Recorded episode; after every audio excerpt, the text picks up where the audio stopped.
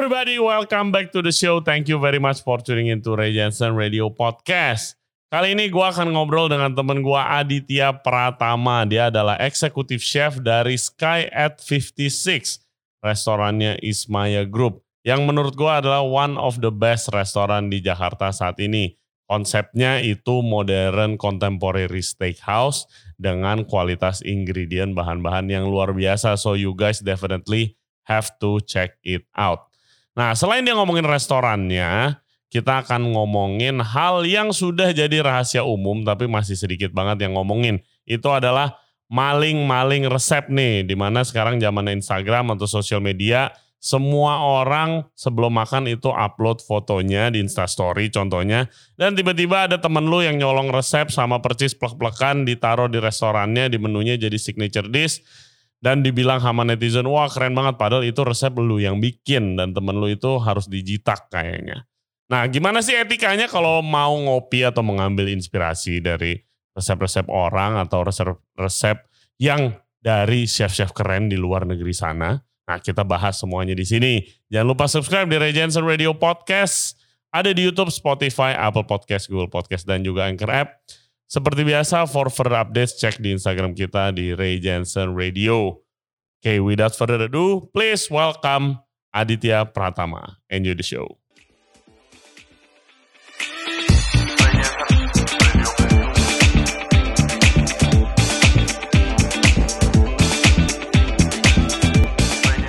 Semuanya, kita ada di Sky. Lagi di lantai 56 nih. Kita ngobrol sama chefnya nih. Chef Aditya Pratama Julisiandi, eksekutif chef dari Sky. Of course. Welcome to the show, brother. Halo, thank you, Ray. Thank hey, you for inviting akhirnya, me. Akhirnya, akhirnya, finally ya. Akhirnya. Jadi guys, ya Sky ini uh, honestly one of my favorite restaurant sejak ganti konsep dan Chef Adit thank you. mangkal di sini. Thank you. Konsepnya apa sekarang, bro? Uh, sekarang konsepnya tuh contemporary western grill. Contemporary western grill depan kita ada daging-daging luar biasa nanti kita akan omongin.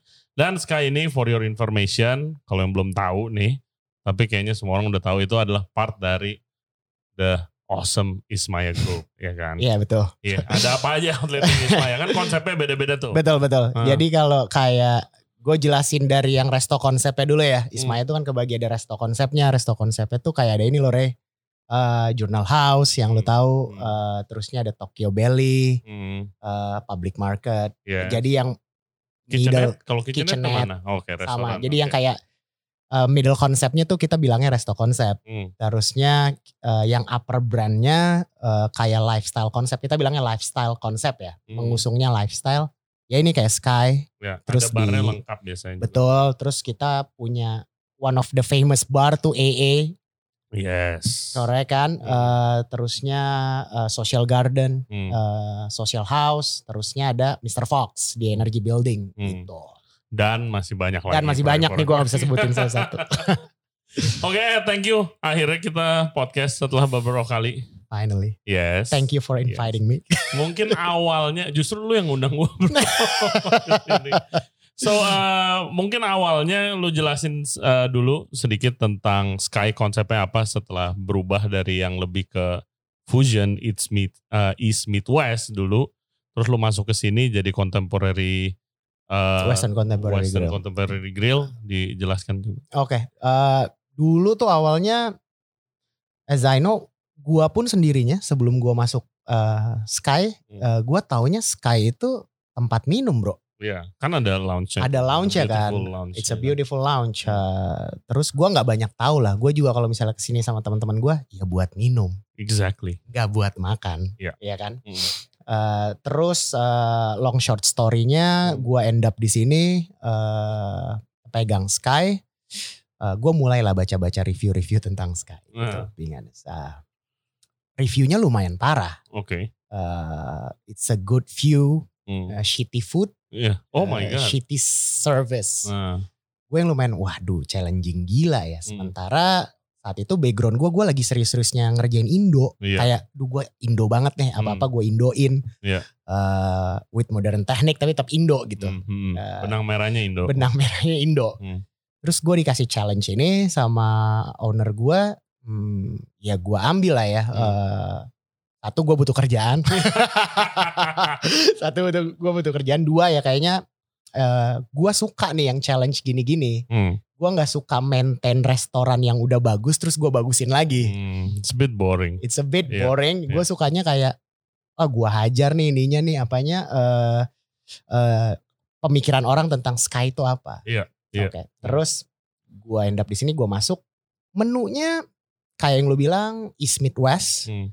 Eh, jadi kayak ada tiba-tiba ada bebek goreng, Hmm. cabai hijau pakai nasi, which is gue kayak Hmm. oke. Iya, tapi ada di poin dulu restoran lifestyle main ke situ juga emang. Korek, Iya. korek. Gue Sambal mata gitu. gue ngerti marketnya gitu gue Iya. ngerti marketnya tapi kayak ya gue nggak tahu lah ya pikiran gue saat itu waktu gue datang sini ya gue mau makan bebek goreng cabai hijau ya gue Hmm. nggak ke Sky Nggak, nggak ke tempat seperti ini. nggak ke gitu. tempat kayak gini Hmm. terus ya jual jual macam-macam ada tiba-tiba ada Chinese fusion kayak tiba-tiba ada pork rib five spice gue kayak Hmm.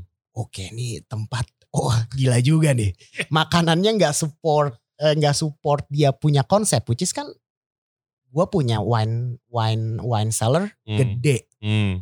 jualan wine aduh makan bebek eh, Indo pakai cabai hijau minum wine kan rada Berat, aneh kan rada berat. berat, Berat.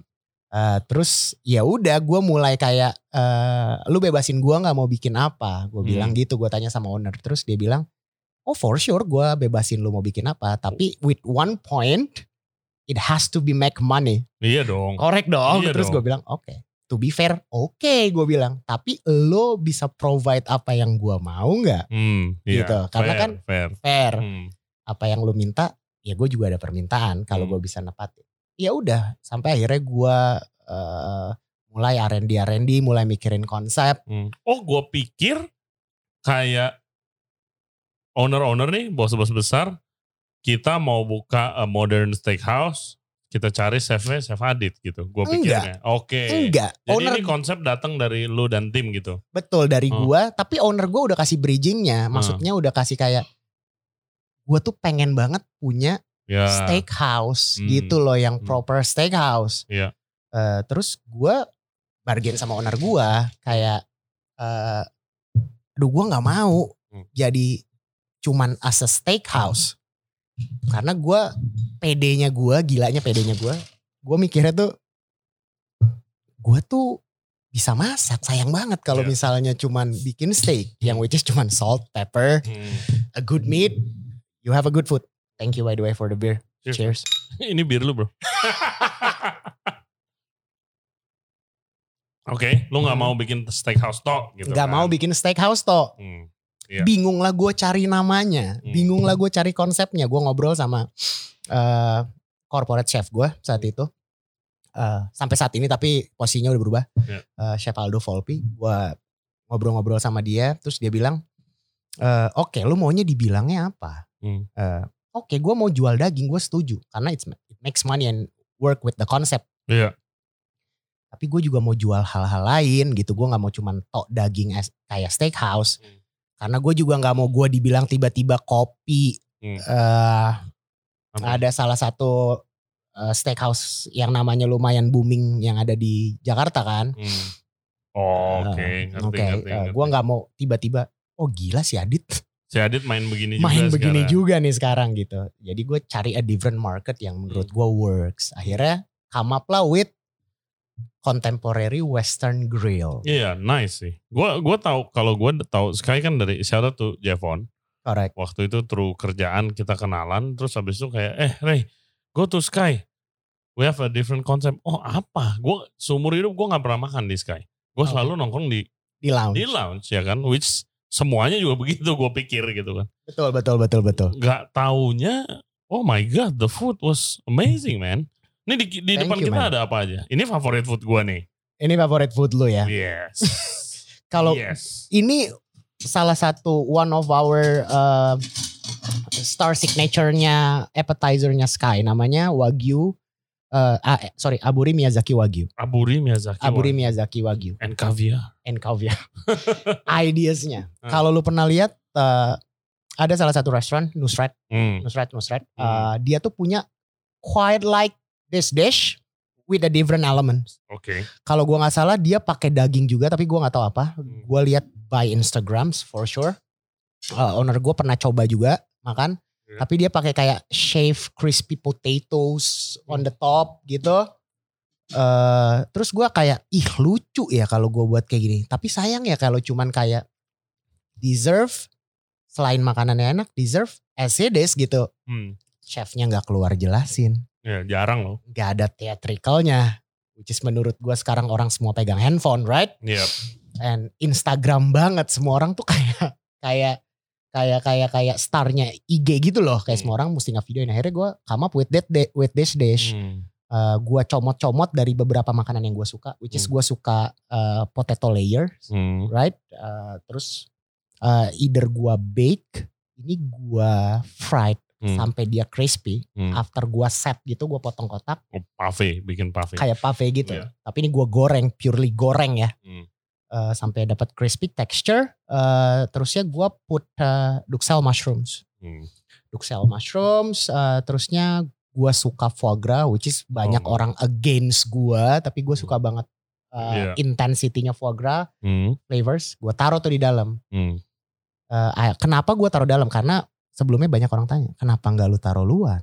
Karena harus lu kelihatan. Karena harus kelihatan, men. Betul. Karena barang mahal sayang lu hide. Gue ada jawabannya. Kenapa? Nggak semua orang makan foie gras bro. Betul juga. Nggak semua orang makan foie gras. Nggak Betul. semua orang eh, tega makan dan lihat foie gras. Hmm. Hmm. Which is gue bisa tricky mereka kalau gue simpen di dalam. Hmm. Hmm. Eh, Ada poinnya. poinnya gue ambil poinnya itu. Hmm. Gue nggak maksud membodohi tapi maksud Iya. gue eh, makan tuh kan masalah perspektif enak atau nggak enak kan. Iya kadang-kadang gara-gara itu malah jadi nggak nyobain gitu. kan. Correct. Padahal doyan. Correct. Ya. Cuman gara-gara ada foie gras di atas, foie gras-nya dibuang. Hmm. Which is the ideas be- behind makanan gue adalah lu tuh mesti makan semua komponennya Hmm. baru bisa. Terus di layer pakai A5 Miyazaki, gua torch. Hmm. Uh, that's why namanya aburi. Terus gua bikin itu homemade uh, gochujang glaze. Hmm. Yang which is ada Asian Asian twistnya. Hmm. Uh, gua bikin sendiri uh, glaze-nya, gochujangnya, uh, homemade-nya. Uh, terus baru torch, getting burn. Hmm. E5-nya a bit melting, eh a bit medium gitu, medium rare. Eh, atasnya gue suka karena ada burn flavors, Iya. Char flavornya. char flavorsnya ada. Terus gue kasih caviar. Hmm. In the terms of texture kalau lu makan ada bites yang Iya. pecah-pecah gitu loh, Letus-letus ya letus kan. ngeletus gitu. Oh my gitu. god. Oh my god. Ini kayak a little bit over the top gitu. Foie gras, caviar, wagyu. my god, so good. So good. Thank So you good. very much. Eh, Pertanyaan selanjutnya dari gua. Itu waktu lu lu take over a restaurant. Hmm. Tantangannya apa nih? Kalau apalagi mau ganti konsep. Kan belum tentu staffnya ganti kan. Betul. Staffnya ada yang udah. Ini kan Ada. restoran udah berapa lama? More than 10 years probably ya. More than 10 years, gitu kan. probably. Ya kan. Untuk reconcepting ada chef baru nih masuk. Oh iya. Gua mau masak makanannya beda semua gitu. Wah, eh, pengalaman lu gimana? Challenge. Seru ya challenge. Wah seru banget. Eh, ya for sure waktu gua masuk masih ada staff-staff dari mereka opening ada di sini dong. Iya, iya kan. Iya. Terus tiba-tiba ada anak muda masuk kayak Hmm. The fuck is this guy doing ya? Kayaknya kayaknya gua even better apalagi lokal. Hmm. Selama ini chefnya Sky selalu Iya. bule, selalu Iya. orang luar. Hmm, hmm, Terus tiba-tiba ada satu anak lokal hmm. nggak tahu dari mana, Masih muda. masih muda masuk Mau ganti konsep. mau ganti konsep gila nih orang nih berani taruh pala ya Hmm. akhirnya apa yang nggak bisa uh, works uh, together sama gua ya sorry to say gua harus lay off dong Hmm. karena gua punya gua nggak bilang power buat ngelakuin itu tapi maksud gua Nah, you have your responsibility to make this correct work. I Iya need kan? to make this works kalau enggak pala gua yang dipotong Iya, exactly. ya kan nah sama gua paling benci ya Hmm. gua nggak tahu mungkin kejadian juga sama lo kejadian su- juga sama teman-teman yang lain lu baru masuk Hmm. lu ajarin sesuatu Hmm. right Hmm. terus you found in the other days you found something wrong lah Hmm. sama yang apa yang udah lu ajarin Kok nggak sama sih? kok nggak sama lu tanya nih bro yang gua ajarin gak gitu loh bro terus ngeheknya jawabannya bakal gini bro tapi dulu Saya bikin gini chef. Ah, iya, iya. Man, what the fuck? Maksud gua, gua nggak bilang chef sebelumnya ngajarin lu salah nggak. Mhm. Tapi gua as a chef maunya gua gini. Iya, Iya, gua nggak bilang chef lu salah. iya. Mungkin salah. iya. Tapi gua nggak tahu. Nah, Enggak mungkin. Ya, gua nggak tahu. Tapi ya maksud gua, ya ya ikutin cara gue dong. ikutin cara gua dong. Gua gua chefnya. Yoi, yoi. Berapa Gitu. lama tuh poin transisinya sampai eh kan respect is earned kan in the kitchen. Respect kan? is earned correct. Eh, berapa lama transisinya sampai you feel that you earn the respect Uh, anak-anak lama lu it needs a couple months, mungkin dua bulan, empat bulan gitu ya. Karena uh, gue orangnya nggak mau banyak bacot. Gue nggak mau kayak orang yang, oh gue nih dari sini, gue nih jebolan sini, gue gue paling benci banget tuh gue nih bekas kerja di apa? Lu bisa sebut one of the best restaurant in in the world kan? Hmm, hmm, Uh, tapi orang kita tuh nggak peduli bro, hmm, hmm. nggak peduli. Yang mereka peduli adalah lu bener-bener kasih tahu mereka, eh, lu tuh bisa bikin makanan enak Hmm. dan lu tuh nggak cuman modal bacot sama tampang, Ngerti. lu Ngerti. tuh Apalagi punya kalau- skill. Kalau di bawah bos gitu kan, kenal bos itu justru correct. banyak negatifnya tuh justru. Parah, parah, parah, parah, parah, parah, parah. Terus um, obviously the concept kan works kan. Eh, Thanks God it works. Rame banget berapa kali gue Thank you, ke sini. Congratulations. Thank you by the way, thank you. How do you feel? Very proud of myself for sure. Uh, uh, gue juga thanks to my team right now ya, yang udah support gue dari dari dari kita mulai ini dari scratch. Hmm. Uh, gue thank you juga buat uh, chef gue uh, Aldo Volpi yang udah bantu gue dari awal Hmm. buat make this is works. Uh, owner gue uh, yang udah support gue selama ini. Uh, Pak Bram Hendrata, thank you very much. Thank you sir.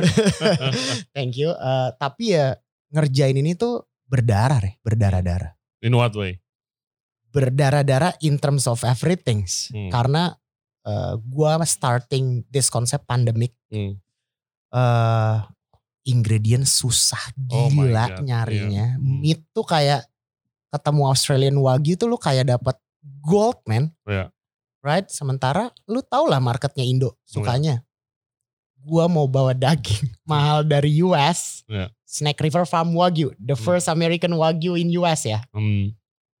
They don't like it. Really? The market hate it. Oh iya. Kenapa bilangnya? Ya, lu makan Wagyu, ekspektasi mereka melting, Ah, tender. Sementara karakteristiknya Snake River Farm. Snake River Farm, it's not that tender, tapi you got that bites. Hmm, hmm. You know what I mean? You got the flavors. apa bedanya itu grass fed, corn fed gitu? Betul. Oke. Eh, tapi eh, you got that bites gitu loh. Kalau Iya. American meat kan kayak gitu kan. Let's say choice, select, and prime. Hmm. You still got that bites kan. iya. Orang Indo totally hate it. Oke, kurang empuk. Kurang empuk. Kok udah wagyu tapi nggak empuk? Correct. Iya. Snake River Farm loh. Gila namanya keren banget. Enak ya? Enak pak. Hmm. Serve makan. It's a bit meaty ya for me.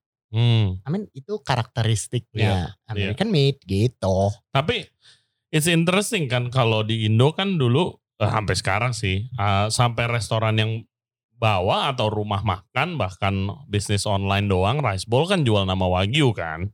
Iya. Pakai lah semua dibilang wagyu gitu kan. Even Meltik dibilang wagyu. Iya, tanpa mengetahui wagyu itu sebenarnya apa dan Hmm. tanpa tahu banyak soal tentang the meat industry of course kan. Di mana Correct. kayak kalau ya tadi gue bilang grass fed, corn fed. Mm, Grass fed mm, udah mm. pasti lebih bertekstur, ada bite-nya karena makannya rumput. Betul. Kalau makannya apa namanya Grain, grains atau biji-bijian. contohnya jagung itu fatnya lebih apa berasa, lebih Correct. empuk, Lebih dagingnya empuk. gitu kan, gitulah. Betul.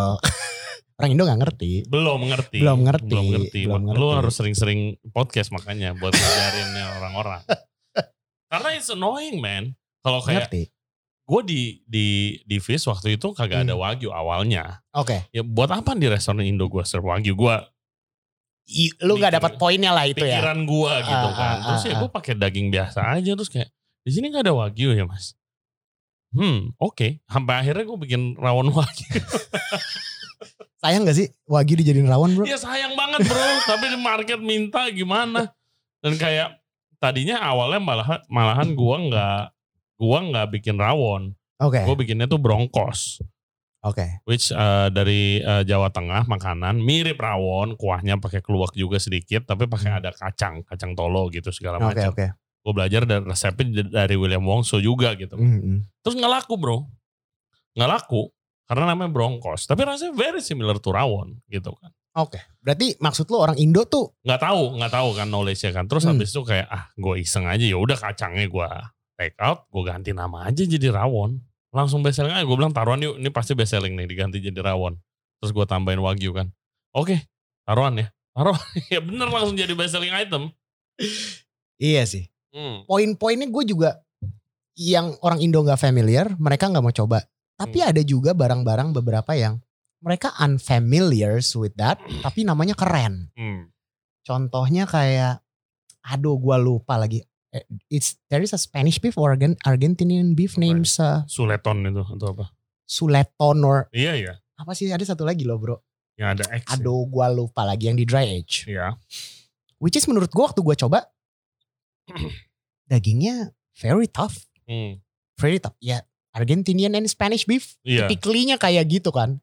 eh tapi orang su, gue nggak bisa bilang suka. Hmm. Orang tertarik buat coba karena Namanya keren. namanya keren, namanya ngejual. Iya, iya. Rubia Gallega, gue inget Oh, banget bro.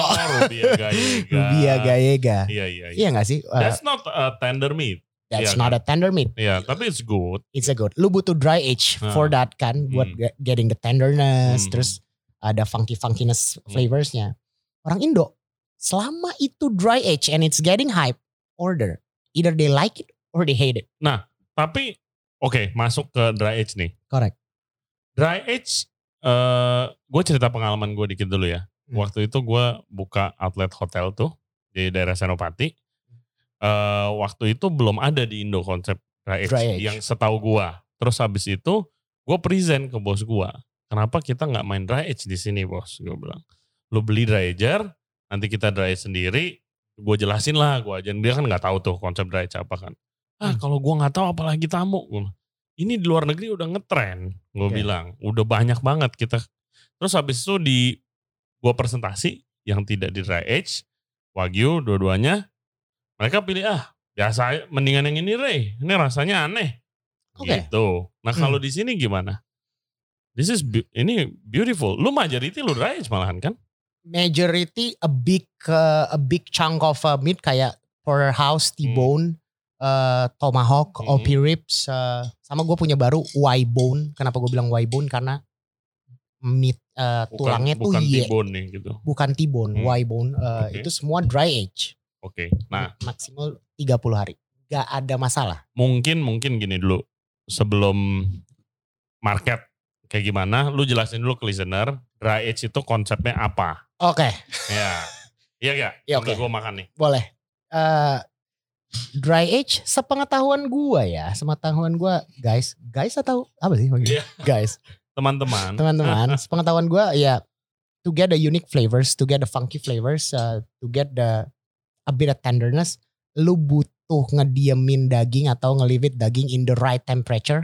Biasanya 2.7 degree cel eh 2.7 degree gitu. Hmm. Eh, terus eh, in the tingkat humidity yang tertentu lu Hmm. bisa dapat that tenderness because that bacteria it's uh, growing Hmm. terus mecah fat and mecah muscles Jadi gitu loh. ngempukin dagingnya. ngempukin dagingnya Hmm. tapi ya itu balik lagi untuk proses itu.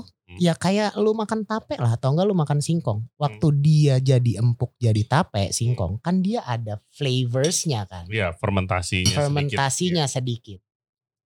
Nah, eh, pasti daging itu ada funky flavors yang kita bilang. Hmm. Ini enak loh. Ini ini maksudnya funky-nya pas. 30 hari. Iya. Namanya apa nih? Eh, ini eh, 30 days dry age tomahawk. Hmm. Eh, 30 hari. Tapi gua suggest jangan makan medium rare. Oke. Eh, karena eh, gua suggest makannya either it's a medium atau enggak medium well. Why? Hmm. Eh, Ke mic bro. Oke. Hmm. Why? Karena eh, ini kan eh, tomahawk ya. Hmm. Not every part of tomahawk it's a tender.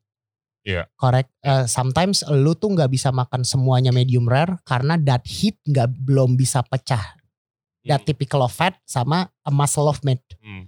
Ya kan jadinya uh, it's getting chewy kalau lu makan medium rare. Tapi waktu lu uh, medium atau medium well, it's a perfect balance. It's getting Oh. tender sama the flavors tuh come up Oke. gitu. Terus lu lu sendiri apa? Aduh, lu sendiri eh, lihat market gimana kalau soal dry sekarang? Gua nggak menemukan kesulitan kayak lu pertama kali. Hmm. Mungkin waktu lu introduce dari dry age, hype-nya banget. belum, ke situ. Nah, Sekarang semua orang udah tahu dry age, which is kalau gua nih ditanya, lu suka daging dry age atau enggak? hmm. Gua enggak, Lu enggak? enggak. Oke, oke. Gua sukanya daging. Ya it's a red meat karena Hmm. gua uh, dry age itu menurut gua it's just a trend karena Hmm. semuanya sekarang apa-apa dry age, dry age, dry age. Hmm. Tapi gua tipikal gua suka daging yang juicy. Hmm. Right? Gue suka daging yang kalau dimakan masih sedikit eh, apa tuh namanya? Ada. Lu suka grass fed apa corn fed? Gua suka dua-duanya. Gua nggak bisa pilih Oke. karena ada uniknya Hmm. masing-masing. Tenderness ya udah pasti gue ya pilihnya corn fed. Hmm. Kalau misalnya gua mau cari Flavor. flavors, gue pakainya Hmm. grass fed. Eh, market nggak ada masalah. So far eh, they love it. Tapi Hmm. ada pertanyaan konyol nih. Kalau dari customer, ada beberapa customer, Mas, ini dry age ya? Iya. Hmm. Kok udah nggak bleeding lagi ya? udah nggak bleeding. Eh, Oke. Bleeding gimana ya, Oke. Bu, Pak? Iya, kayak jusnya tuh kurang. Kurang. That's why we call it dry age. Makanya dikeringin kasarnya gitu, Gitu. lah. Ah, ah. Oh iya pasti ada lah Pasti ada. gitu lah. Pasti ada, pasti ada. Pasti Kenapa di kalau dry aging chamber gitu, Hmm. kenapa ada kulkasnya sih? Eh ada kulkasnya, ada apa? Garamnya?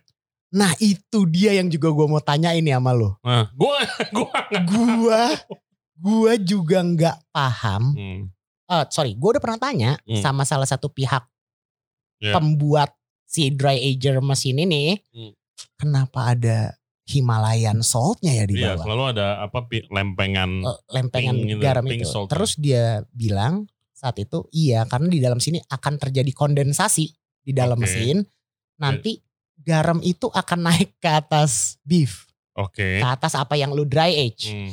Eh, Ya memang mengeringkan sih. Garam kan bikin kering kan emang. correct. Hmm. Terus ngebantu ada flavor wise. Hmm. Which is gua itu belum menemukan kenapa harus. Karena banyak orang juga yang kayak ngapain gua taruh Himalayan rock salt ya atau Himalayan Hmm. salt. Take out the Himalayan salt and that's it. Iya biasa juga. Oke lanjut nih ke makanan ini. This is my favorite dish guys. Ini kayak apa? Peppercorn steak eh? Ya ya ya ya. Namanya apa di sini? Eh, ini namanya ribeye pepper steak. Oh, ribeye Eh. pepper steak. Ini lu dry age dagingnya. Ini, nah gini Ray, kalau Hmm. gua, gua tuh ada daging dry age, ada fresh meat. A Hmm. Fresh meat yang gua maksud adalah, lu tuh kalau masak steak, gua tuh maunya ada crushnya on the top. Hmm. To getting the crust on the top, in the top of the surface, Iya. lu tuh butuh buka package dagingnya, put a pepper towel, Iya. terus leave it in the uh, walk-in chiller for a two days or three days.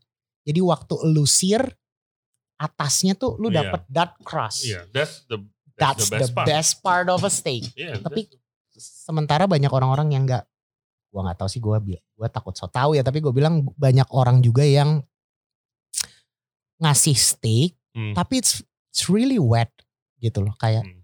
Men gue mau makan steak, gua nggak mau makan a boiling meat gitu. Hmm. Jadi ini tuh steak gua rata-rata yang gak di dry age itu di leave it uh, open Hmm. uh, for two until three days in the walk-in chiller. Hmm. Jadi gua dapat that crust. Iya keringin. It's important sih. It's really important. Technically itu sedikit banyak dry age juga sebenarnya. Technically lu Correct. ngeringin kan. Correct. Yes. Tapi it's lu masih dapat that part of juiciness Iya. inside, right? Uh, I do that for all my protein, even chicken, correct. even chicken. Jadi garing, Garing parah. kulitnya parah, garing banget. Iya. Ketimbang wet tahu-tahu lu Iya. sear atau lu roast, lu Hmm. nggak dapat kan Hmm. that texture. Nah, uh, gue sering sih nemuin beberapa steakhouse. Boleh kan ya gue ngomong gitu ya? Iya, boleh dong. boleh dong. Ya gue makan kayak, oh this is a boiling meat Hmm. man. The problem is uh, cooking steakhouse. Uh, kalau di steakhouse ya, gue lihat pertama dagingnya masih basah, itu benar. Karena kalau kalian apa ya pernah googling atau YouTube uh, roast duck deh, Oke, garing itu kan digantung, ya kan Parah, digantung, digantung. digantung supaya kering. Jadi gue belajar dari situ. even ikan aja gue suka masukin kulkas dulu berapa lama setengah jam dibuka biar kering bener-bener kering Hmm, karena hmm, hmm. kulkas itu mengeringkan makanan juga karena Betul, ada airflow kan correct. gitu. Nah, sama kedua problemnya itu eh hitnya kurang.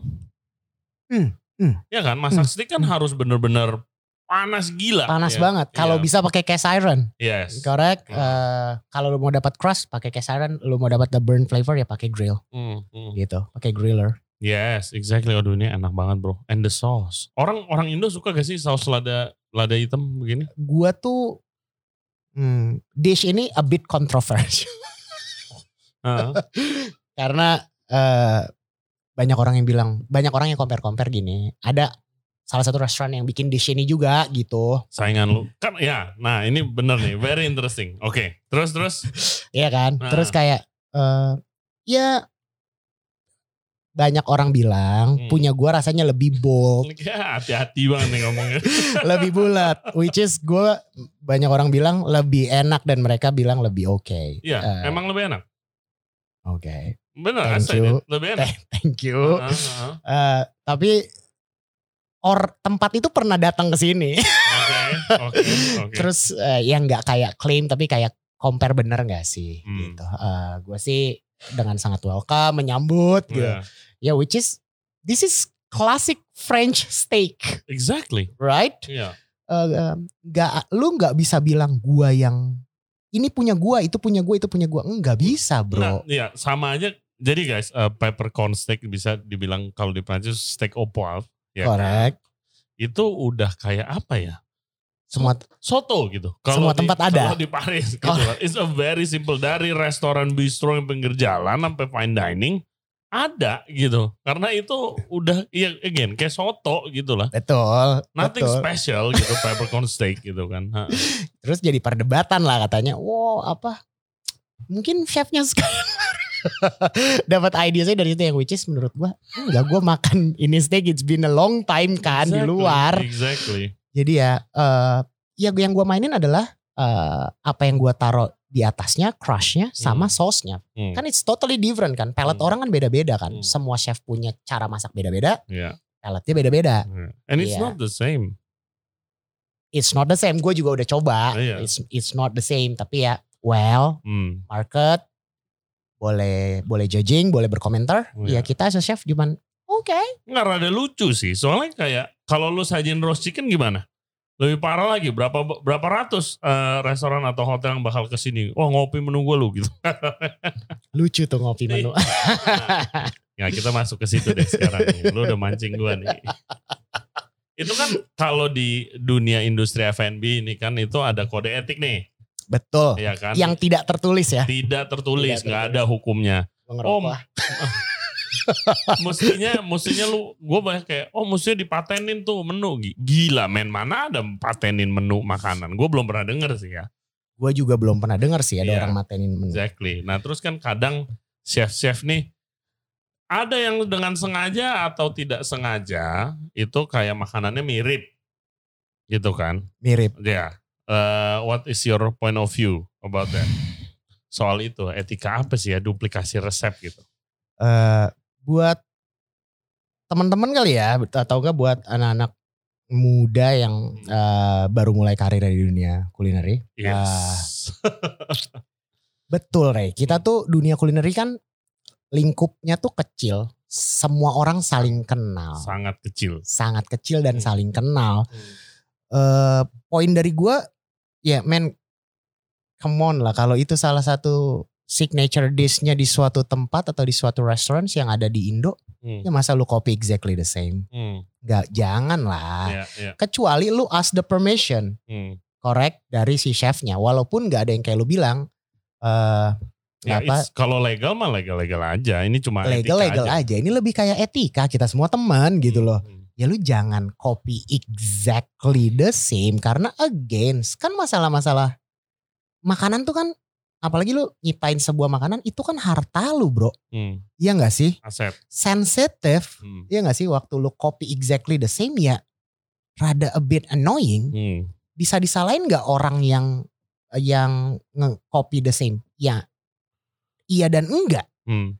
Iya dan enggak dong, karena eh, Sah-sah aja sebenarnya. sah-sah aja, tapi ya lu lebih kayak malu aja kalau misalnya ada orang yang ngecibir lu Hmm, hmm. gitu kan. Terus kayak orang yang di kopi ya udah pasti kesal parah, Iya. apalagi circle-nya dekat dan teman Hmm, Dan kenal. dan lebih kenal, kesel lagi lebih kalau itu. kesel nggak lagi. bisa ngomong gitu kan. Ini kalau soalnya it goes deep gitu loh. Kayak misalnya gue ke Sky. Gue Oke. sebagai restoranter gue sama tim gue ke Sky gitu sama partner-partner gue. Eh yuk kita buka contemporary grill juga yuk gitu loh. Ya kan gue mengambil Sky sebagai inspirasi. Correct. Itu beda dengan kalau gue ke Sky guys. Terus mejanya gue ukurin Oh, gitu, Gue beda. foto, gue fotoin apa namanya seragam staffnya gue fotoin. Itu kan beda banget gitu Beda kan. Nah, itu ngopi plek-plekan duplikasi sama lu mengambil inspirasi karena tadi kan lu cerita waktu lu dapat uh, opportunity ini kan lu of course googling kayak Nusret gitu kan. Correct, The famous steakhouse of the world. correct. Yes, bukan berarti lu nyajiin tomahawk dibungkus pakai gold leaf juga kan. gitu kan. Kalau Nusret kan itu Iya benar benar benar benar. bukannya berarti si Adit begini-begini. Betul, betul. gitu. Iya sih, gue lebih ngelihatnya ya ini nggak dilakuin perorangan doang ya. Hmm. Gue masuk ke yang cakupannya lebih gede. Ismaya tuh punya Osteria Gia bro. Iya. Baru-baru ini, waduh gila Hmm. bahasannya. Baru-baru ini, gue lihat ada Hmm. ada restoran yang makanannya hampir sama-sama Osteria Gia. Hmm. Konsepnya sama, Hmm. even the logo it's the same. Oh my god. Iya, Even logonya mirip even gitu. the logo like almost Ah. the same kan. Wow. Itu aja gue kayak, oh bisnisnya keras banget bro, Hmm, hmm, gitu. hmm. Yang cakupan besar ya, cakupan kecilnya kayak Pengalaman lu dah, lu pernah gak diduplikasi menunya? Iya pernah kesel atau enggak parah Ceritain kesel. menunya apa? Gak usah, nggak usah disebut nama chefnya. Tapi terserah sih. Eh, Iya Lu enggak. lagi masak apa? Oke. Nah, Ini lucu nih. Eh, kayak gue di eh pengalaman dulu lah ya. Iya. Gue pernah pegang restoran namanya 1945, 1945 Iya. di Fairmont, hmm. eh, di Fairmont Hotel. Eh gue bikin dessert namanya Bibika Deconstructed. BBK deconstructed. Jadi Oke. itu Bika Ambon actually kayak eh, rasanya tuh gue carinya rasanya Bika Ambon yang gue pecah-pecah komponennya. Hmm, hmm, Terkurung itu komponen di dalam shell coklat.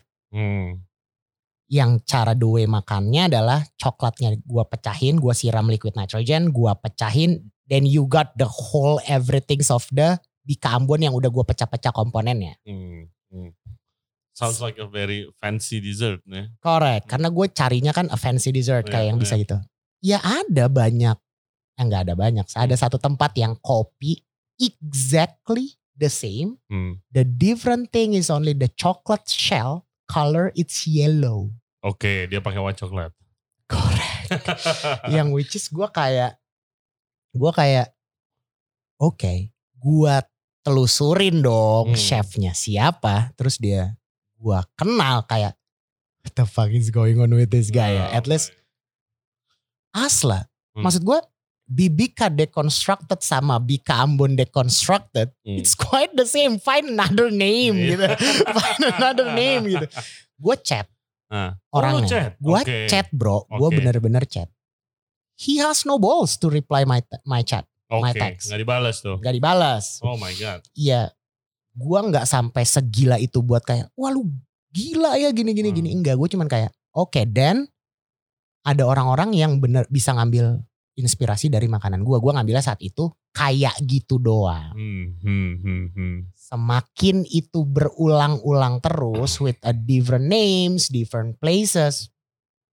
Hmm, menurut gue itu udah mulai a bit annoying ya. Iya. A bit Berarti annoying. emang cara kerjanya doi kayak begitu nih gitu kan. Betul, lu nya nggak bisa appreciate apa yang orang udah buat atau enggak, lu Atau terlalu apresiasi sampai di kopi. tanya Maxi deh. Oke, oke, oke. Eh, Nah, eh, eh. kayak kalau gua pengalaman gua dulu ini rada lucu juga. Ini konsultan pertama kerjaan konsultan pertama gua di Oke. kayak di Oke. Kemang gitu. Terus waktu itu benar it's like almost 13 14 years ago. Hmm. Waktu itu ya sama kayak Sky. tema yang lagi ngetren itu adalah Mi- uh, East Midwest. Oke. Fusion. Waktu Hmm. itu Indo baru kenal lah konsep fusion fusion. Gue bikin konsep fusion lah. Oke. Terus habis itu the chef resign. Hmm, Terus kerjaan konsultan gue selesai. Oke. Oke. Terus habis itu udah tiba-tiba ada temen gue, eh Ray, gue eh, baru makan nih di ini lu apa di cafe. Kayaknya ini menunya menu lu deh yang lu pernah kasih tunjuk gue gitu kan. Hmm, hmm. Enak banget main makanannya. Cafe mana? Cafe beda. It's a Oke. different restaurant. Oke. Oke, oke. Kayak, hah? Ini di menu di mana bro? Gue bilang gitu. Enggak, enggak. Ini lu bikin kan? Tuh, di kopi menunya. Ini bukan satu makanan men. Dari appetizer sampai dessert. Wah gila sih itu. Menunya sama percis. Sama banget. Yes. Sama. Even the plating presentation sama. Abis itu gue tes. Oke. Gue tes, gue ke sana. Gue Oke. ke sana. Ternyata si chef itu cabut ke, so- ke situ. Si chef yang resign itu cabut ke situ bawa buku resep plak-plakan. Wah gila. gue pesen yang most complicated dish. Zaman zaman itu seems so modern gitu kayak baramundi di pensir pakai carrot foam gitu-gitu. Ah, Oke, oke, oke. Ya kan zaman zaman dulu tuh. Zaman dulu tuh ya ya. kan? Sekarang udah kayak jadul banget ya. Tapi zaman dulu gitu pakai carrot foam terus pakai kuah saus dari kunyit, Oke. oke? Itu complicated tuh, rada susah di, Hmm. di kopi. Sama datangnya. Terus gue lihat, what? Kok ini orang sama percis? Gua ke kitchennya ternyata dia di situ.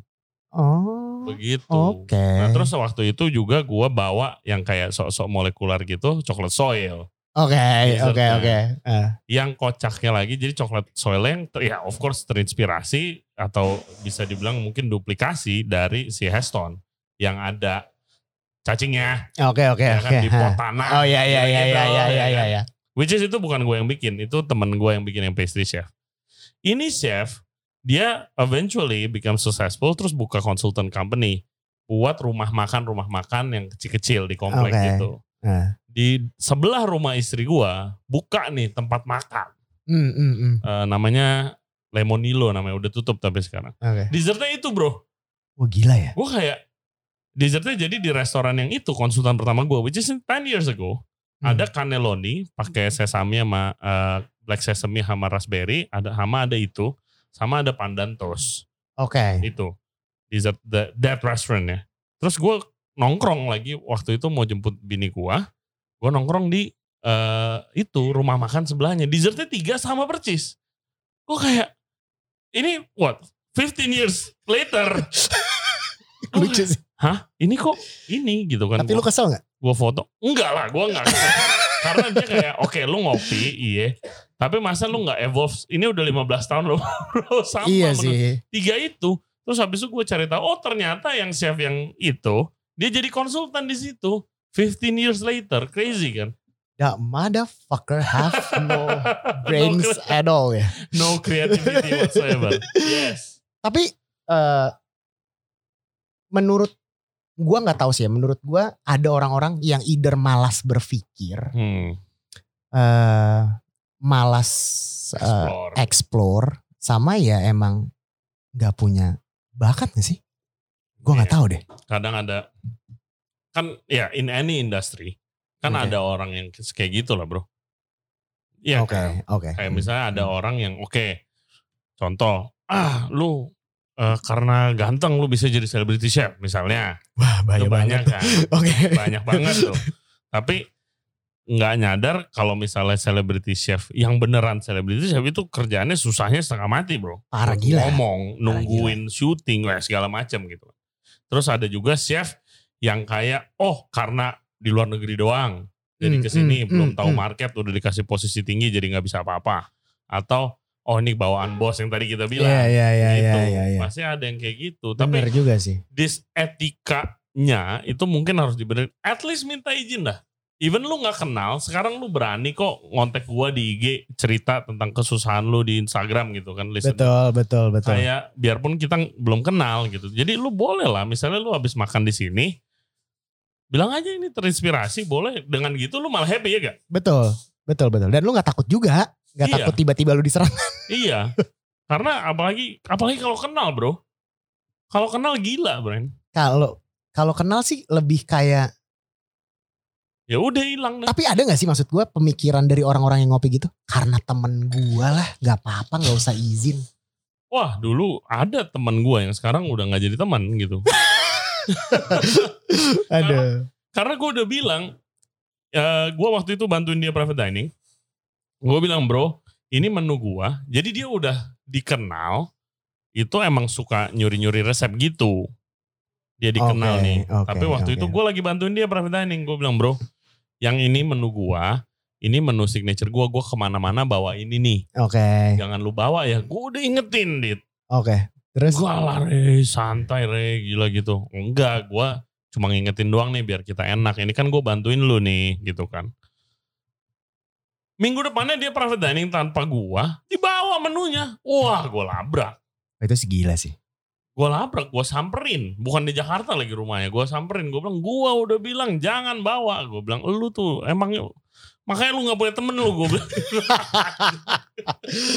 Makanya tuh yang gak punya-punya temen. Pasti lu pernah ngopi menua.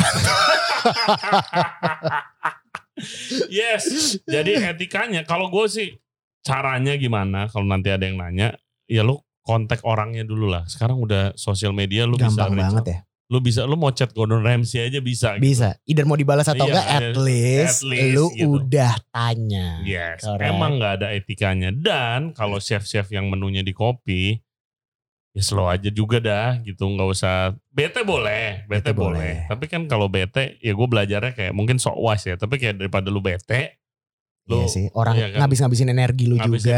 energi gitu loh. Kayak gue gue pernah, ini deket nih di mall seberang. Oke. Di mall seberang. Eh gue di hire sebagai mau di hire sebagai pastry chef. Ada restoran Prancis gitulah, kalian pasti tahu. Terus abis itu eh gue baru balik dari Paris tuh waktu Hmm, itu. Not even gue belum kerja sama sekali ditawarin mau jadi pastry chef di sana karena di sana pastry chefnya resign. Oke, gue punya pengalaman di pastry, gue bikin, gue bikin menu classical, which is gue yakin ya gue cuma bikin apple tart Oke. karena Prancis banget eh poach eh, pear Hmm, gitu-gitu. hmm, hmm, Sama hmm. ada eh gue bikin this eh, almond cream gitu, kayak galet gitu. Gue kasih saffron ice cream atasnya, Hmm, hmm. gitu. Udah, gitu. Itu bukan menu amazing gitu lah, Eh, klasik banget gitu. Yang tanya menunya masuk, gue nggak masuk. anjing. Lucu banget lagi. Kalau sekarang lucu. Dulu lu kesel gak? Wah panas gue, panas gue panas, sedih, ya kan gila. Ternyata begini banget nih di Indonesia ya. Soalnya waktu di gue di Europe kan gue nggak kayak expose sama begitu kan orang gue bawahan gitu. Tapi itu gak berlaku cuman buat orang Indo gak sih? Karena gue punya pengalaman. Oke, Gue gak bisa sebutin hotelnya lah ya. Hmm. Tapi hotel itu berdiri di Kuningan. oke. Eh, waktu itu gue kerja di sana. Nah, uh, as a sous chef. Eh, jadi eh, kita tuh ada acara eh, namanya Cender Roti Sir. hmm. You know that? ya ya, right? of course. Eh, gua tuh dikasih sama chef gua kesempatan buat eh, lu bikin menunya deh the full Cender Roti Sir menus, Hmm. pairings wine. Hmm. Gue bikin dari A sampai Z. Kan eh, coba segala macem. Even chef gue tuh nggak put input anything on on on it gitu, nggak nggak in- input anything on the plates. Eh, dia cobain, dia testing, dia bilang oke, Hmm. right? Terus dia kasih coba GM gue buat eh, cobain juga. Hmm. GM gue bilang, wah perfect, goes with this menus. Makanan apa? Eh gue lupa Ray makanan Oke. apa, tapi dari dari appetizer sampai dessert. eh, Oh, oke. It's a pokoknya course meal lah It's ya. a course meal. Ada ada. Kalau gua nggak salah ya, eh eh, main course-nya tuh duck gue bikinnya kalau nggak salah ya. Hmm. Eh, terusnya eh, dessertnya tuh kayak a chocolate bomb terus lu siram pakai eh, hot chocolate sauce gitu sampai it's getting melted gitu. Hmm. Right. Eh, eventnya jalan goes very well, goes very well. Terus lu tau kan cender roti Sir tuh waktu Hmm. waktu makanannya udah keluar, chefnya diintroduce ke depan. Hmm. Ya dong ngomong thank you for chef this bla bla bla Ya, bla bla ya, bla bla. Ya, ya, ya, ya, Itu kan buat eh, apa biasanya eh, eh, a nice dinner things bla bla bla gitu. Terus chef gua dengan gamblangnya di depan banyak orang. Ya gua nggak minta knowledge dari lu kayak oh thank you ya buat tim gua yang udah enggak juga sih, tapi Hmm. kayak gue nggak terima kata-kata dia. Uh, yeah, we're, we're we're working. Eh sorry, not we're working really hard. I'm working really hard Hmm, to make this Oke. uh, works. Terus ya menunya yang kayak gini-gini gini. Gue kayak ngeliat dari belakang kayak what the fuck is this ya? susah ba- susah ya acknowledge gitu ya. Correct. Terus oke lah. Abis itu dia selesai ngomong, orang pada tepuk tangan balik. Terus GM gue nyamperin dia. Terus ngomong kayak bro kan gue gak boleh sebut namanya bro. I'm really proud ya with your food bla bla bla bla. Thank you ya pak. Ya dia bilang "Uh, thank you kata dia. Cause uh, I spend a lot of time with this. Terus gue yang kayak bajingan anjing. Tapi after that uh, gue ngomong sama dia. Hmm. Gue ngomong. Jawabannya dia lebih bikin gue pengen resign anjir. Gue pikir. Jawab, pikir jawaban dia adalah eh sebagai seorang eksekutif chef, Hmm. gua tuh punya punya punya punya punya Power. punya power untuk bilang itu karena kalaupun itu shit happens itu under my names. Hmm. Kalau misalnya it's a good ya udah itu juga under my name. Terus gue kayak Hmm. oke jawaban dia bikin gua mau resign tiga Iya. bulan kemudian gue resign. Lucu banget. Fucking crazy guy. Fucking crazy. Gua gua dibilangin dulu sama mentor gua di eh, kayak waktu kejadian itu tuh kayak gua gua ke mentor gua kan gua bilang lu gila men menu gua di kopi sama percis garnish by garnish komponen by komponen presentation semua percis gua nggak nggak di hire anjing gila sadis banget ini orang gitu kan ah, ah, ah. soalnya kayak iya soalnya abis itu gue minta temen gue yang dapetin tuh kerjaan yang dapetin Hmm, tuh hmm. interview gue test food gue tanya bilang temen lu coba dong tanya yang test food which is ini orang kaya Indonesia luar biasa gitu. Gue test food aja sebelahnya TNI gitu kan. Gue disuruh cobain dulu makanannya. Nanya kenapa gue yang nggak di hire menu gue masuk. Terus jawabannya apa? jawabannya adalah iya gue suka banget sama menunya tapi dia kita nggak cocok salary-nya gitu. Jadi ya tahi banget kan.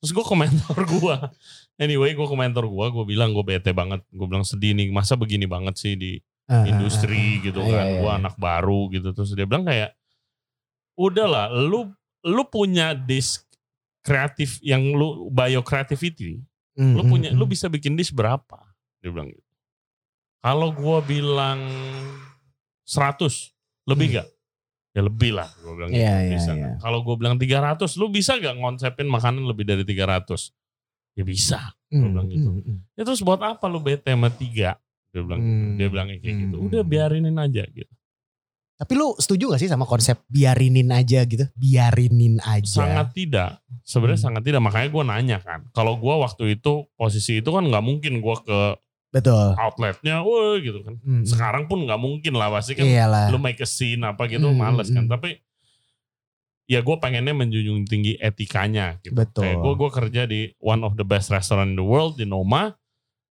itu dia bagus banget sih konsepnya Di- jadi kayak eh, yang terkenal kan kalau di internet ada yang namanya Saturday Night Projects Hmm, hmm, hmm. di mana Saturday Night siapa pun boleh pilih eh, boleh create eh, signature item mereka mau Hmm. lu dishwasher Hmm. juga terserah dan itu malah misalnya ada yang enak banget si Rene nggak bakalan ambil Oke. Rene Redzepi siapa nggak bakalan ambil dia kayak oh berarti ini masuk menu nih oh enggak enggak enggak, enggak. ini dishnya Adit dia bilang jangan Hmm. kalau masuk menu itu dish gua gitu dan kalau misal di luar negeri ada ceritanya yang waktu itu gue denger di ceritanya Alinea Grand Akats yang Oke. terkenal kan yang balon tuh ya Correct. kan di mana Jakarta sekarang ada beberapa tuh balon Correct. Dan di kopi banyak orang kan? Iya. Tapi kan yang bikin sous chefnya. Tapi Oke. si Grand Akad sudah bilang, ini lu mau masukin menu gak? Kalau masukin menu, orang taunya di, ini dish gua loh. Dia bilang gitu kan. Hmm, oh ya hmm. masukin aja. Nah jadilah seperti sekarang. Correct. Gitu. Yang orang taunya itu bikinan Granaka. Iya. Right? Nah itu etikanya seperti itu. Yang gua mau salurkan itu dan gue yakin lu juga yang penting etikanya Betul. ngomong aja Ngomong. Gak ada salahnya kan? betul betul Either mau dibalas atau enggak, ya udah. Yang Hmm. penting lu ada proven kalau gue udah nanya tapi nggak ada balasan. iya And I really like the dish. bukan berarti lu setiap menu lu chat chefnya ya ini lu cari inspirasi dari siapa kagak juga bebas-bebas aja gitu bagusnya sih lu ambil dari beberapa orang dijadiin di dalam satu piring ya enggak sih? Dan elunya, elunya juga. Dan iya dan dan, diri lu elunya sendiri. dan Soal- diri lu juga gitu. Soalnya guys kalau lu nggak lu nggak apa ya kasih your soul gitu, kalau makanan lu nih nggak ada elunya, lu nggak bisa ngambil posisi yang tinggi-tinggi amat juga. betul Karena betul posisi sebagai head chef lu harus ada your karakter lah. betul. Exactly. Agree banget gua tuh. Tolong ya. Dan by the way kalau yang paling kalau mau dibilang misalnya ngopi resep harus bayar ya. Yang paling kaya lu tau gak siapa? Siapa? Yang bikin coklat lava cake bro. Oh iya anjir. Eh lu tau gak sih coklat lava cake tuh terjadi karena Si, awalnya nggak sengaja. Si itu yang bikin apa? Michelle Bra. Iya, jadi Yes. dia bikin coklat lava cake undercook. Iya. Dia mau apologize keluar ke tamu-tamu itu kalau it's Hmm. undercook. Dia keluar ditepokin banyak orang bro. Kayak it's a fucking excellent dessert. Terus gue oke. Award winning chef guys, Michelle Bra di Prancis. Itu yang bikin coklat lava cake. Oke Dit, terakhir Oke. karena ini udah mau buka nih lagi pada setup. Eh kan mau renov nih Sky, Oke. ya kan? Hmm, hmm. Eh renovnya lama. Renovnya lama banget. lu ceritain terus abis itu aktivitas lu apa dong waktu ini lagi renov gitu. Eh gue Jadi Sky- kenapa renov? Sky mau renov karena ya owner gue mikir ya restoran udah 10 tahun bro. Ya harus revamp lah ya. harus revamp, harus ganti kon eh bukan ganti konsep, ganti the whole interiors and everything. Hmm. Terus sekarang juga kayak apa-apa sekarang eh kalau lu lihat restaurants open kitchen, Hmm. ya kan? Ya. Betul. Right? Eh, Sky nggak open kitchen, Hmm. right? Jadi ya owner gue mikir eh emang kalau dipikir sayang atau enggak, sayang banget, Re. Hmm, karena kan lagi naik-naiknya. Kita lagi naik banget, we're making a big money lah ya. Hmm. for that. Eh, tapi owner gue bilang kalau misalnya ditahan terus ini nggak bakal kejadian. Hmm. Ya udahlah sacrifice dulu deh. Ya, very good businessman lah ya of course. Eh, Gitu. sacrifice dulu at least a years. Eh, kita bener-bener pikirin eh konsepnya matang-matang, eh tematikalnya matang-matang. Eh, biar nanti Sky yang baru tuh bakal meledak banget. Hmm. Owner gue tuh gilanya dia bilang, gue nggak tahu the way-nya tapi I'm loving waktu dia ngomong ini dia bilang, gue pengen banget punya Michelin star restaurant. Hmm. Target lah. the big target dream. target the big dreams yang which is menurut gue gila far banget tuh tapi ya Hmm. tapi ya gue suka dia punya mimpi gitu loh Exactly. Yang pertama kan mimpi lu kan. betul kan either lu mau dapat atau enggak the way Iya. lu ke sananya kan it's really interesting and fun kan Hmm. akhirnya eh akhirnya decide lah end of the end of this years we're gonna close Hmm. Eh, kita bakal renovation apa yang bakal gue lakuin ya gue bakal Ya concentrate on the next itu. correct Eh gue udah plan pergi ke luar ke Hmm. beberapa negara Hmm. buat cari a whole ideas, Asik banget. a whole ideas. eh, mudah-mudahan eh eh, apa tuh namanya ideas-ideas yang gue bawa dari luar eh, bisa diterima nantinya di di Indo. Ideas ya Ray, Iya. ideas ya. Bukannya gue tahu-tahu bawa bawa makanan signature-nya dari mana ya? Hmm. Enggak, tapi ideasnya gue bakal bawa. eh sama gue bakal bikin a creating a new teams gitu sih. Nice. It's really interesting gitu. Gue pengen bikin uh, a serious uh, steakhouse, a Hmm. serious uh, contemporary western grill yang di mana kalau lu datang, uh, lu lihat tuh bacer gue lagi potong-potong daging, Ih mantap. hanging the dry aged meat, Hmm. not only the meat. Iya. Sekarang orang pada main uh, fish juga Iya, di dry fish age, dry a cuttlefish gitu Hmm. banyak-banyak kan. Dan gue mau belajar, belajar, belajar, belajar hal baru karena Hmm. orang mikirnya eh orang tuh mikirnya gue muda dan berbakat. Oh Hmm. enggak bro, gue tuh berdarah-darah juga ada di sini gitu. Jadi Tua dan berdarah-darah. gue tuh enggak enggak enggak enggak seberbakat itu. enggak, tapi gue gue lebih kayak gue enggak yang gue suka dari diri gue adalah gue enggak enggak pernah berhenti buat belajar sih. Hmm. Gue suka banget belajar Exactly. gitu. Exactly. Well, I'm sure it will be successful nanti. I hope, Please, thank you. Please invite us lagi kalau misal, sure. kalau misalnya udah buka. And sure. thank you for your time, bro. Thank you for coming in Sky ya Iya. and doing the interview. Uh, Yes, me. much Betul. sukses. Much sukses. Thank you, thank you. You Uh, too. Guys, sebelum nih, sebelum Sky Renov nih ya, kalian harus coba ke sini nih yang belum coba karena udah beda banget. Konsepnya jauh, not even close. It's a Thank you, very good contemporary grill. Ah, Very nice sih. Kalau gue sih ya, Thank gue rekomend peppercorn steaknya Peppercorn steak ya. dan eh, original. Original. Penting tuh original. Thank you Adit, thank, Thank you, thank you, Ray. Thank and, you. uh, thank you our Jeffon and Ismaya Group, all the team and the owners karena udah bantu setting up. Uh, I'm so happy finally kita bisa uh, podcast bareng uh, Ismaya Group. So happy. Jangan kapok ya unda itu gue ya. Ya enggak lagi. Parkirnya aja nih kalau susah. thank you banget Dit ya. Thank you Ray. Oke guys, thank you banget yang udah nonton dan yang udah dengerin podcast kita kali ini sama Chef Adit. Jangan lupa ya, subscribe di Jensen Radio Podcast. Selain di YouTube, kita ada di Spotify, Apple Podcast, Google Podcast, dan juga Anchor App. Kalau yang mau nanya-nanya tentang karir ke Chef Adit, boleh DM di IG lu? Eh, IG gue Aditya PJ. Aditya PJ. Dan jangan lupa, kalau yang mau mengambil inspirasi dari menu dari Chef Adit, jangan lupa DM. Iya, ngomong ya. Even mau masak di rumah. Thank you ya semuanya. Stay safe, stay healthy. We'll see you next time. Bye bye. Bye. Thank you brother. Thank you, bro. Uh. Thank you. What, what a nice interview. What a nice. It's okay. No problem. Behind the scenes.